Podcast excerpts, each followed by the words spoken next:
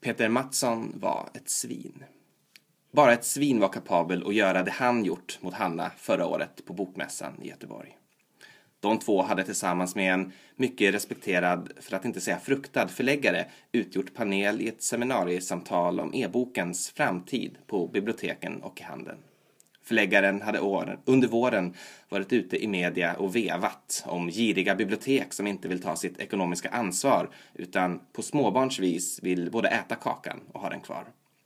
Det var hennes och Peter Mattssons roll att ge bibliotekens perspektiv på det hela. Deras roll att förklara för publiken att girighet ingalunda styrde biblioteken utan det heliga uppdrag man ålagts att förmedla litteraturen till folket till den budget kommunen bestämt.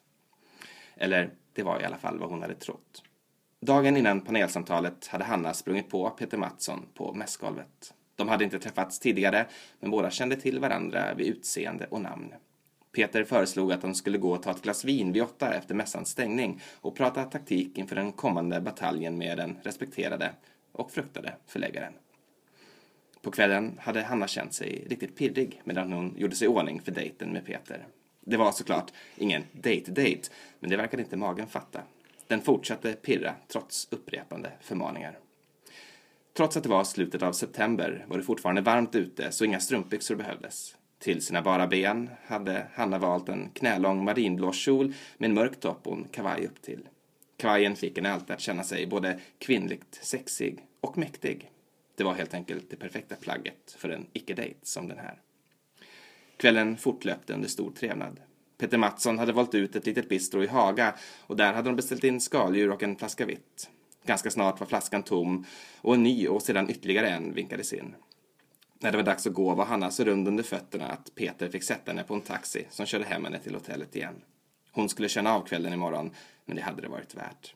Peter hade varit rolig och smart och han hade fått henne att känna sig rolig och smart. Trots att han var några år äldre hade de verkligen hittat varandra på bistrot. De hade pratat om allt möjligt, om livet och om branschen. Om att det inte var konstigt att läsningen gick ner när pompösa översittare som den respekterade och fruktade förläggaren tilläts föra krig mot kulturförmedlande verksamhet som bibliotek. Hanna hade gjort en löjlig imitation av förläggaren där hon grovt överdrev hans värmländska dialekt och yviga gestikulerande. Peter hade skrattat och kallat henne geni. Det var just innan flaska tre hade beställts in. Dagen efter hade huvudet värkt och läpparna varit torra.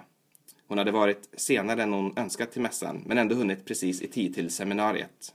Det var när moderatorn presenterade panelen för publiken som hon förstod att hon hade blivit lurad. Då säger vi välkomna till Hanna Svärd, chef för Hallonlundens bibliotek, Greger Sand, förläggare på Landins och Peter Mattsson, nytillträdd e-bokschef på samma förlag. Peter, om vi börjar med dig som fram till nyligen arbetat inom bibliotekssfären. Varför tror du att biblioteken är så ovilliga att betala förlagen vad det kostar när det kommer till e-böcker?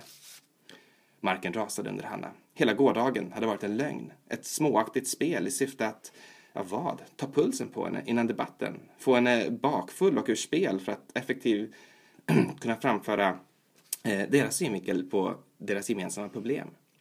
Hon hade blivit förkrossad, fullständigt till intet.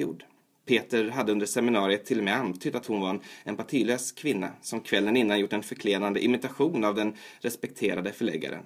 Han hade inte låtsats om som att det var i trott samförstånd med honom och med honom som entusiastisk publik.